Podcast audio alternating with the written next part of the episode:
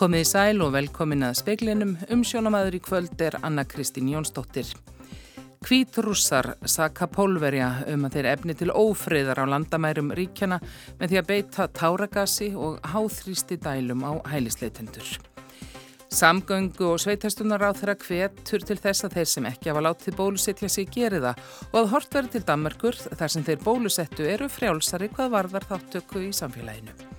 Arnaldur Indriðarsson Ritthöndur fekk verðlaun Jónasar Hallgrímssonar á degi íslenskra tungu og vera illugadóttir útvarsmaður sérstakka viðurkenningu. Breiðamerku jökull hopar hraðar en rannsakendur áttu vona og þetta sína niðurstöður úr vöktun rannsóknarsettus Háskóli Íslands. Það þarf að forðast þvingunar aðgerið gagvart på óbólusettum í lengstu lög segi læknir og dósend í hagregni siðfræði skapa þurfi almennt tröst og samstöðu ekki draga línu sem klýfur þjóðina. Stjórnvöldi Kvítarúslandi saka pólverja um að æsa til ófriðar á landamærum ríkjana með því að beita táragasi og háþrýsti dælum á hælisleitendur. Tali er að um fjögur þúsund manns séu þar og býði færis að komast til Póllands og þaðan til annara Evrópuríkja. Talsmaður Kvíturúsnesku stjórnarinnar sagði í dag að markmið pólverja væri augljóst að auka á ringulreiðin á landamærunum til að draga orð möguleikum þess að leysa deiluna sem upp er kominn. Að sögn innan ríkisraðunetisins í Varsjá greipu verjendur landamærarna til þess ráðs að beita táragasi, háþrýstidælum og högsprengjum þegar hælisleitendurnir letu grjótrið rigna yfir þá. Tveir eru sæðir hafa slasast, lauruglumadur og landamæravörður, þar af annar alvarlega. Rússar tóku í dag undir gaggrinni á pólverja fyrir að beita táragasi og vassbissum á hópin og skjóta úr bissum yfir höfðum þeirra í átt til Kvítarúslands. Eh, Sergei Lavrov, utarrikis ráð þeirra, sagði að slíkt aðtæfi væri með öllu ólíðandi. Sendir áð Íraks í Moskvu greindi frá því í dag að flugvel er þið sendt til Kvítarúslands á fymtudag til að sækja um það byrj 200 íraska hælisleitendur og færa til síns heima. Að minnstakosti 11 hafa dáið eftir að fólk tók að sapnast saman á landamærunum í sumar. Fórseti Kvítar Úslands er sakaður um að hafa skipulagt fólksflutningana. Ásker Tómasson sagði frá. Sigurður Ingi Jóhansson, samgöngu og sveitarstjórnar á þeirra, segir að landamærunum sé nú þegar greint á milli bólusettra og óbólusettra. Fordæmi sé í nágrannreikinum fyrir því að óbólusettir sæti meiri takmörkunum í samfélaginu og hann vil til dæmis horfa til Danmörkur þó að það sé orðin ótrúlega lítið hluti þjóðarinnar óbólusettur eða 8% af 18 ára eldri að ég fer með rétt að þá eru þeir auðvitað þreysasunum líklegri til að smittast fimmsinum líklegri til þess að leggjast á spítala og vantarlega smita meira heldur en hinn er bólusettu þannig að ég vil nú bara nota takkifærið og hvetja þá sem eru óbólusettir að bólusetta sig. Í nokkrum nágrannaríkjum okkar hefur verið farin svo leið að óbólusettir sæti öðrum takmörkunum en þeir sem farið hafi í bólusetningu. Sigurður Ingi segir fullt tilefni til að skoða svipað kerfi eins og nú er í Danmörku. Það sem að menn nota svo kallan koronapassa til þess að ef að segja að þeir sem eru full bólusettir hafi svona frjálsari möguleika til að taka þátt í samfélaginu vegna þess að það eru hinnir óbólusettir sem, sem takmarka í raun og veru möguleikana til þess. Við erum með svona aðgreiningu í raun og veru á, á landamærum uh, og kannski er, er uh, vaksandi notkun hraðprófa liður í þess átt. Sagði Sigurður Ingi Jóhansson, Bjarni Pétur Jónsson tók saman og það verður síðar í speklinum rætt við ástriði Stefansdóttur siðfræðingum, bólusetningar og tókstreitt á milli einstaklingsfrelsis og almanna hags. Birgir Ármannsson, formaður undirbúningskjörbreifa nefndar vegna talningar í norðvestur kjördami, segir að vinnu nefndarinnar miði vel þó að henni sé ekki lokið en sé stemta sameilegri niðurstu og hann býst við því að vinnunni ljúki í vikunni. Ég myndi segja að við ættum að geta lokið okkar vinnu í þessari viku, eh, svo verðum við að sjá þegar að fundum er lokið í nefndinni hvort að það tekur einhver tíma að ganga frá skjölum og annað sem þessum fylgja. En býstu við því að þið skilið af ykkur einu meiri hluti áliti? Við eigum eftir að komast að niðurstöðu þannig að það er ofsnend að segja til um það hvort að það verða fleiri en eitt álit sem koma þegar að eh, upp er staðið. Við auðvitað höfum verið að reyna að ræða okkur niður á sameigilega niðurstöðu en það getur auðvitað verið að í þeim efnum það sem um er að ræða einhvers konar mat að þá meti fólk hlutina með mismunandi hætti þannig að það er vel hugsanlegt að það verði niðurstaðan en það likur ekki fyrir núna sagði Birgir Ármannsson Jóhanna Vigdís Hjaltadóttir talaði við hann. Alþingi verður að koma saman sangkvæmt lögum innan tíu vikna frá kostningum. Það er í síðastalegi fjóra desember. Stemt er að þingsetningu í næstu viku hvað sem líður stjórnarmyndun. Brem var eina útgerðarfélagi sem fór yfir 12% eða leifilegt heldar verðmætti abla hlutdeldar í samantækt fiskistofi í oktober. Egi útgerðarfélag 50% eða meira í öðru félagi telst það inn í heldar verðmættið, segir Erna Jónsdóttir sviðstjóri á fiskistofu. Upp að því margir það ekki tali með. Já, það geta verið egnatengsla félag á þess að telist tengdir aðeinar í skilíkir lagum stjórnfiskuða. Gagsæðið um þessi eignatengsl er hins vegar takmarka því upplýsingarnar eru ekki á netinu heldur þarf að mæta í fyrirtækin þar sem að hlut hafa skrá á að leggja frammi eða óska sérstaklega eftir þeim. Samþjöppun í sjáarútvegi heldur áfram samkvæmt talningu fiskistofu sem sínir að útgerðum er aftur að fækka eftir að hafa fjölgað við útlutun kvóta og hlýra og makril fyrir tveimur og þremur árum. Og svo er þetta smátt og smátt að lækka aftur og þá þýðir það að það er að selja frá sér þessar hlutveldu sem það fengur útlutað. Saði Erna Jónsdóttir, Hjördís Rauð Sigur Jónsdóttir tók saman og talaði verðnu. Arnaldur Indriðarsson, riðtöfundur, fekk verðlun Jónasar Hallgrímssonar sem veitt voru í dag á degi íslenskrar tungu. Mér er það alveg sérstakur heiður að taka móti verðlunum til einhverjum honum og það á degi íslenskrar tungu. Ég lít svo á að þau sem leið viðkenning á þeirri grein bókmenta sem ég hef verið fulltrúið fyrir núna í aldra fjörðung og hefur blómstrað í okkar bókmentaflóru og vendaftum árum og ekki aðeins á heimaslóð, heldur einnig og ekkert síður utanlands. Sagði Arnaldur þegar hann tók við viðkenningunni. Vera Yllugadóttir þáttagerðarkona fekk sérstaka viðkenningu fyrir þætti sína í ljósi sögunar.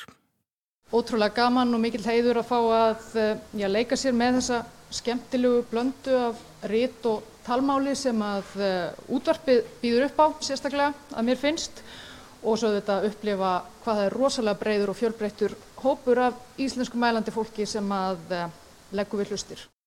Sagði Vera Yllugadóttir. Skera á niður í rekstri Akureyra um nokkur hundruð miljónir króna. Eina þeim tilugum sem bæjarstöðun hefur rættum er að loka annari sundlug bæjarins. Það er glerárlög fyrir almenningi. Ásta, ástu Sigur á dóttur, fasta gest í löginni til margra ára, líst illa á þær hugmyndir. Ég minnst það bara alveg ómöguleg. Hér koma svo margir sem eru í leit að aðstöðu til að reyfa sig og halda færni og heilsu sem bara komast ekki neinstakar annarstaðar á eigafæðarsvæðinu í sömu aðstæður. Það eru bara tvær innilögur sem um ræðir. Lögin á brekkun er alltaf lokuð fyrir almenning en hinga geta mann komið fjóra tíma á dag, einn klukkutíma snemma á mótnana og þrjá tíma eftir klukkan sex á kvöldin sagði Ásta Siguradóttir, Óðinn Svan Óðinsson ræti við hana og nánar verður fjallaðum þetta í sjómasfrettum og eftir. Breiðamerkur jökull virðist hopa hraðar en vísindamenn reknuð með. Þetta sína niðurstöðu frá rannsóknarsetri Háskóli Íslands á höfni hotnafyrði. Rannsóknarsetrið mynd, hefur myndað jaðar jökulsins með skeiðmyndum. Þorvarður Átnason forstuðumæður segir ljóst að jökullin bráðinni hraðar með hverju árinu. Þessar myndavelar þar taka sagt, eh, fjóra ljósmyndir á klukkutíma yfir cirka tíu klukkstundar tímabill svona yfir hádægin og út frá þessu myndum er svo hægt að búa til timelapse eða, eða skeiðmynd sem, hérna, sem að síni þá breytingarnar kannski yfir, yfir nokkru vikna mánaða tímabill. Myndirnar eftir fyrstu sex vikurnar síndu miklu miklu hraðar í bránun heldur en við höfum átt að vona á og, og síðan hérna fannst okkur tilvalið að deila þessu með, með hérna almenningi í tilöfni af COP26 rástöfninni í Glasgow. Rannsóknarsetrið ætlar sér að vakta bráðunum jökulsins með þessum hætti næstu hundrað árin.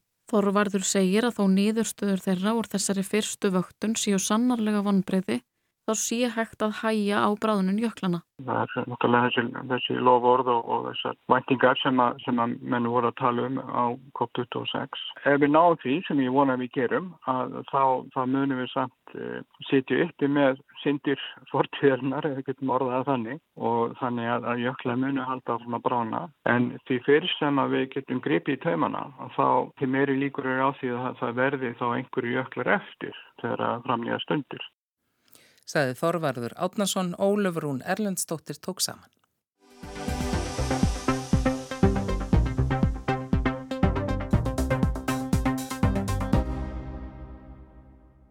Það er ekki undarlegt að mikil átök og heit umræða séum þvingunar aðgerðir ímissa Evrópuríkja gagvart þeim sem vilja ekki láta bólusittja sig gert COVID-19. Þetta segir Ástríður Stefánsdóttir, læknir og dósent í hagnýtri siðfræði við mentavísindasvið Háskóla Íslands. Þarna sé tekist á um annars vegar frelsi einstaklingsins og hins vegar almanna hag. Sigriður Dóra Magnúsdóttir, framkvæmtastjóri lækninga hjá Hilsu Gæslu Huðborgarsvæðisins, sagði í speklinum í gær að henni finnist koma til greina einhverjar takmarkanir á óbólusetta ef faraldrun heldi áfram að maksa. Þórólfur Guðnason, sóttvartanlagnir, sagði þetta í hátægisfrettum í dag. Við getum ekki sagt að það sé engangu óbólusettir sem að bera upp þessa bylgu. Við þurfum eins og að sjá hvað gerist núna eftir að við gefum þennan örfunaskamt. Hvort að við fáum mjög góða vend bæði gegn smiti og dreifingu og alvarlega veikindum Og ef við sjáum það, þá getum við farið að hugsa um hvort að þeir sem að fengi örfunarskamt, hvort að við getum sleft þeim við einhverja svona takmarkanir. Þannig að þú ert ekki beinlýnins að tala um að fara að gera einhverjar meiri takmarkanir fyrir óbólusetta en mögulega munum við sjá fram á það að bólusettir og þeir sem eru komnir með örfunabólusetningaskamtinn fái á einhvern nátt að sleppa við ákveðnar takmarkanir? Já, það geti verið ef að það kemur í ljósa að örfunabólusetningin virkar eins vel eins og við vonumst til. Þetta var Þórólur Guðnason í viðtali við Ölmu Ómarsdóttur í hátægisfrettum. Í Austuríki eru óbólusettir í útgöngubanni og þurfa að halda sig að mestu heima hjá sér. Ástriði Stefánsdóttur hugnast ekki aðgerðir austurískra stjórnvalda og telur þær ekki við hæfi hér á landi þetta er flókimál og, og það er að mörgleiti skiljanlegt að þau skulle grýpa til þessar aðegjara. Ef við kannski reynum að setja fram stóru myndina í þessu efni þá erum við annars vegar með frelsi einstaklingsins og yfir á einstaklingsins yfir eigin líkama og svo erum við hins vegar með ákveðna mjög sterka almanahagsminu og almanahag og þetta er að takast á og það er gríðarlega mikilvægt að fá góða þáttöku í bólusetningu og beinlinnist þeir sem eru óbólusettir, þeir geta ógnaði jafnvel öryggi þeirra sem eru bólusettir að því leita að þeir geta fengið COVID og þeir geta veikst og, og jafnvel löndin á spítala. Þannig að það er ekkert skvítið að sé heit umræða og mikil átök um þetta. En það er líka erfitt að grýpa til þessar hörðu aðgerða. Það er margt í okkar svona menningu og líka í okkar síðarreglum sem að svona margar varuðareglur sem byrja að blikka þegar við förum út í þessar hörðu aðgerðir sko. Í fyrsta lagi þá er aldrei hægt að þvinga læknismeðferð upp á nokkur mann og þetta er mjög mikilvægur réttur að við höfum vald yfir okkar líkama, að við ráðum því hvað er sprautað inn í okkur og getum dreyið þar á hvenna línu. Það er mjög mikilvægt. Ég held að engin okkar vilji búa í einhvers konar ríki þar sem við getum alltaf vona á því að valdhafar getur komið að spröytað ykkur inn í okkur. Þetta er, þetta er óbúslega óhugli sín. Við eigum að geta dreyðið sem örk. Þannig að, að það er mjög erfitt að krossa þessa línu. En á hinbóin þá er þetta líka við þekkjum dæmi eins og til dæmis bara í berglamæðferð. Við erum með smitandi berglasjúklinga og höfum jafnvel lagalega leiði til þess að taka þessa einstaklinga og þvinga lifjameðferð til þess að hætta að gera það smittandi og til þess að loka það af til þess að það smitt ekki. Þannig að þetta er alveg þekkt í okkar lögjöf. Þannig að þetta er spurning um já, bæði rétt meiri hlutans og rétt minni hlutans. Já, sko, ég myndi segja bara rétt einstaklingsins og svo náttúrulega þetta er bæði almannahagur og svo getur það auðvitað ógnað ákveðnum einstaklingum svona relatíft, ef við erum bara að taka dæmi með COVID þá getur við sagt að sé kannski meiri eins og segir Dóra myndist á í gæri það er svona meiri okkur af óbólusettum einstaklingum heldur en bólusettum að því liti að það eru meiri líkur á því að þeir beri smitt en þeir sita líka upp með þetta sjálfur og þeir veikjast ver. Það eru hvoru tvekja þessi þættir sem að skipta máli. Er þetta ósættanlegt? Nei, nei, við eigum ekkert að tala um þetta þannig. Sko, við eigum að forðast að setja þetta upp í svona einhvers konar tvíhyggju sín með og móti, A og ekki A eða, eða svona dikotómju eins og, eins og maður stundum talaðum. Það er aldrei löst fælin í því. Ef þú tekur eftir til dæmis þessum aðgerðum í Östuríki sem eru bísna harðar, þá er ekki gengið svo langt að það sé þvingunar bólusett. En heldur er það frekar þannig að þetta er línanu dregin með því að fólk hefur ekki aðgang að hinn og þessu. Og ég held að þetta sé nú allstára á Vesturlundum, ég þór ekki að segja hvernig þetta er í Asíu. Þar er hugmyndin um almannahagunum mjög sterkari heldur en hér. En frelsi einstaklingsins er mikið sterkari hér. Leiðin fram á við og grundvöldurinn til að hugsa þetta er að skapa almennt tröst og það er að vinna með samstöðu og tröst og ég held að það sé nú svo leið sem verður að reyna að vinna með hérna á Íslandi ekki að fara að draga línurnar og skerpa þær og polarisera þær þetta er orðið mjög slæmt þegar þú þarft að fara þá leið eins og Östurík er að gera það er mjög slæmt að þurfa að kljúfa upp þjóðina að þessu leiti sko en að því sögðu þá langar mig að segja að það er alls ekkit óeðlilegt að ákveðna starfstjættir þurfi að taka tiltekna bólusetningar til þess að starfa. Við þekkjum þetta mjög vel úr heilbíðiskerunum. Læknar og hjókunarfræðingar til dæmis. Það eru skildu bólusetningar í, í mjög mörgum löndum sem að, að þeir þurfa að taka. Annars fáður ekki starfsleifi. Það er ekkit nýtt í sjálfu sér sko, ef við erum að tala um starfstjættunar. Og ég held við höfum líka sögum til þessi íslensku lögum. En þessi svona stóra polarisering eins og er í Östuríki, ég held við eigum að forðast hana eins og við getum og frekar þetta eru auðvitað auðveldari ríkjum þar sem við höfum tröst á heilbreyðskerfum og þess vegna skiptir það svo greiðarlega miklu máli. Finnst þér ástandi hér núna gefa tilitni til einhverja aðgjörna? Ég veit ekki hvort ég er rétt að mannskjandla að spurja þeir sem eru með puttan á púlsunum eru náttúrulega almannavarnir og sóttvandarleiknir og spítalinn sko. Fyrsta svarið er nú nei, ekki þvingunar aðgerða þessu leiti eins og ég sagði áðan, þetta er eitthvað sem að þarf að forðast í lengstu lög. Við erum með mjög hátt bólusetningalutfall. Sem betur fer eru margir að fara í þriðju bólusetningu núna og það hefur verið góð þáttak í þessu. Þannig að ég held að sé rosalega mikilvægt að við þurfum ekki að fara út í neinar þvinganir með þetta. Sagði Ástriður Stefánsdóttir Kristján Sigur Jónsson talaði við hana.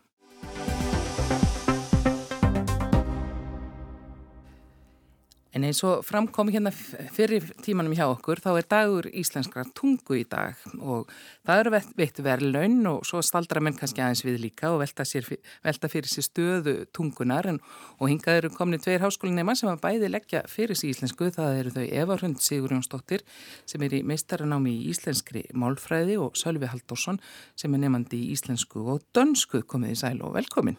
Takk fyrir. Og ef við svona bara byrjum á því, svona, hvað finnst ykkur um þennan dag, Sölvi? Ég minnst bara frábær dagur til að hafa mikið með daginn. Já, einmitt til að hafa mikið með daginn. Um, ég hef alltaf um, haldið upp á íslenska, nei, dag íslenska tungu sem svona dag þar sem við erum að tala um íslenskuna á jákvæmnótum uh, vegna þess að við eigðum mjög mikil orku í að tala um íslenskuna um hvernig henni svona verstandi fer og svona hvað er að og kynnslóðabil á milli hérna í tungumálinu og svona en, uh, en mér finnst að dagur íslenska tungu hann ætti að vera tilengar því að, að fagna málinu og, uh, og fjölbjörðarleikanum sem í því fælst. Og hvað er það sem að svona kvatti ykkur til þess að fara að leggja stund á íslensku? Um, já, mér langaði bara til að læra meir um íslenska bókmyndir og, og svona aðeins skilja betur hvernig þetta virkaði allt saman. Mm. Þegar íslensku nemar þeir skiptast nú líka stundum svolítið í tvö hotn. Það eru já, þeir sem eru áhugað samir um bókmyndir og söguna og svo eru þeir sem hafa meiri áhuga á málfræði. Já, ég er einmitt akkurát að hinnipólunum, sko. Ég fór sér sagt, ég tók bíagráði í almenni málvisindum vegna þess að þráttur að finnast um, bókmyndir áhugaverðar og svona, þá, þá liggur hjarta mitt í málfræðinni, sko, og hérna hef áhuga á að skoða hvernig tungumál breytast og, og hvernig, eh, hvernig struktúrin er og, og allt sem við kemur tungumálunni sjálfu. Er þið ánað í náminu? Finnst ykkur þetta bara hvernig, hvernig það er núna upp í háskóla? Já, mér finnst alltaf skemmtilegt og verður alltaf bara meira svona, juicy með hverju árinu. og hvað finnst þið skemmtilegast? Mm, ég er í um, ég finnst kannski skemmtilegast bara að vera einhvern veginn þetta er bara svona þjættur hópur og það er svona um, um, já, mér finnst gaman að ræðið samnumyndir og kennara og þetta er svona, já, það er eitthvað alltaf að gerast nýtt, það er eitthvað nýð þólmynd eða það er eitthvað, já, þetta er eitthvað sem er allar öðrum, allar að tala um, allar á skoðun á þessu.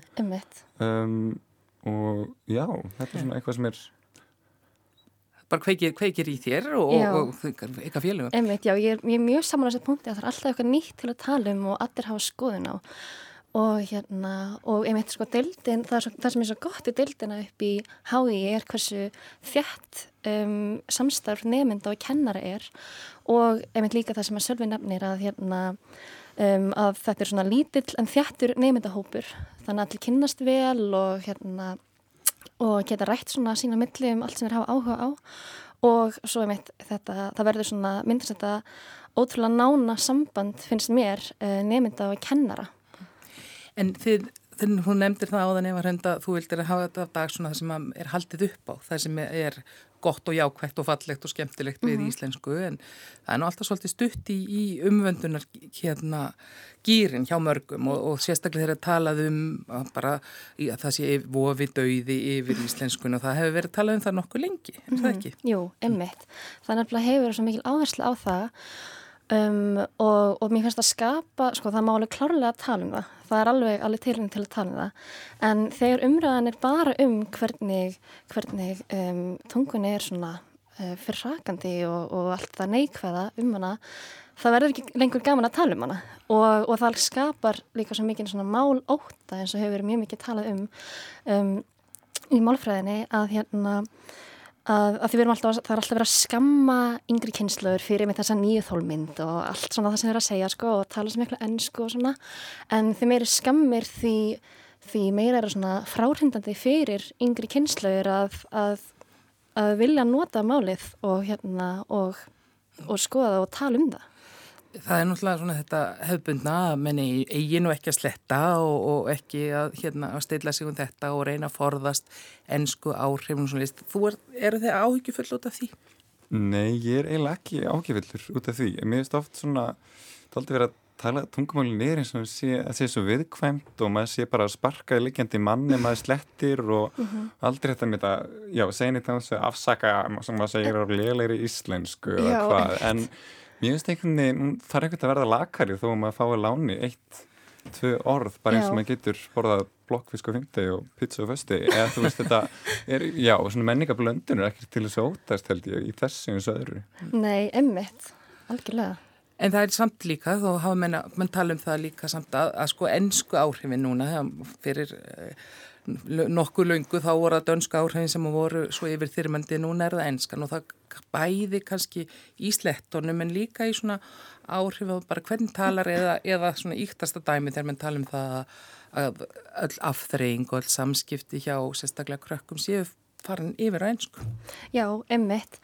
Um, þess að ég myndi í samingi þetta sko að hérna, veist, þetta náttúrulega elur á sér að, það, að viðhörðu til íslensku verður bara svona kannski neikvægt vegna þess að þú nota bara íslensku í skólanum og, og vinna eitthvað svona verkefni og þannig en svo er allt þetta skemmtilega á ennsku og þá finnst mér einmitt dagur íslenska tungu frábært tilum til að fagna þeim sigri sem það var þegar, þegar hérna, íslenska var innleitið á Disney Plus. Um, þá eru komið með alveg, alveg rosalega mikið afturreikræfni fyrir yngri kynslaðir á íslensku og með góðri talsetningu. En haldið þið að er sko, af því við erum svona í aðra röndina þá belgjum við okkur svolítið út yfir því hvað við eigum langa samféltasög og svo erum við alltaf í næstu sko, við erum svo fá og við erum svo viðkvæm og þetta verður svo, þetta er svo erfitt framundan. Kannisti við það þess að svona tvíbendu afstöðu?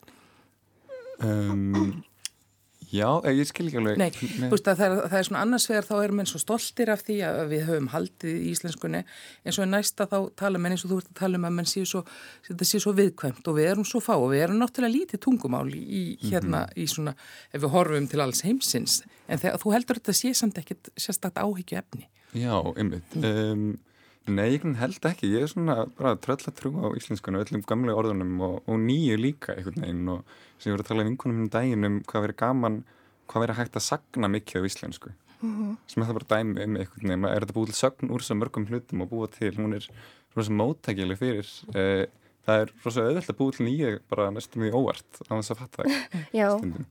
og einmitt líka sko um, ég held nefnilega að íslenski málhafar vilja flestir tala íslensku um, og það er til dæmis svo áhugaverð sko nýjara keppni um, samtækana 78 þegar það er mjög hérna mikið verið að skoða sko þessi ennsku hugtök og ennskar hugmyndir og yfirferðar á íslensku eins og non-binary, það notar eiginlega engin non-binary lengur, að jú ok, alveg klálega einhvers nota, nota non-binary, en mér finnst þess að allir tala um kynsegin og þetta er bara orð sem hefur bara, þú veist, var bara skapað um þetta ennska heiti og er núna bara í fullri nótkunn í íslensku.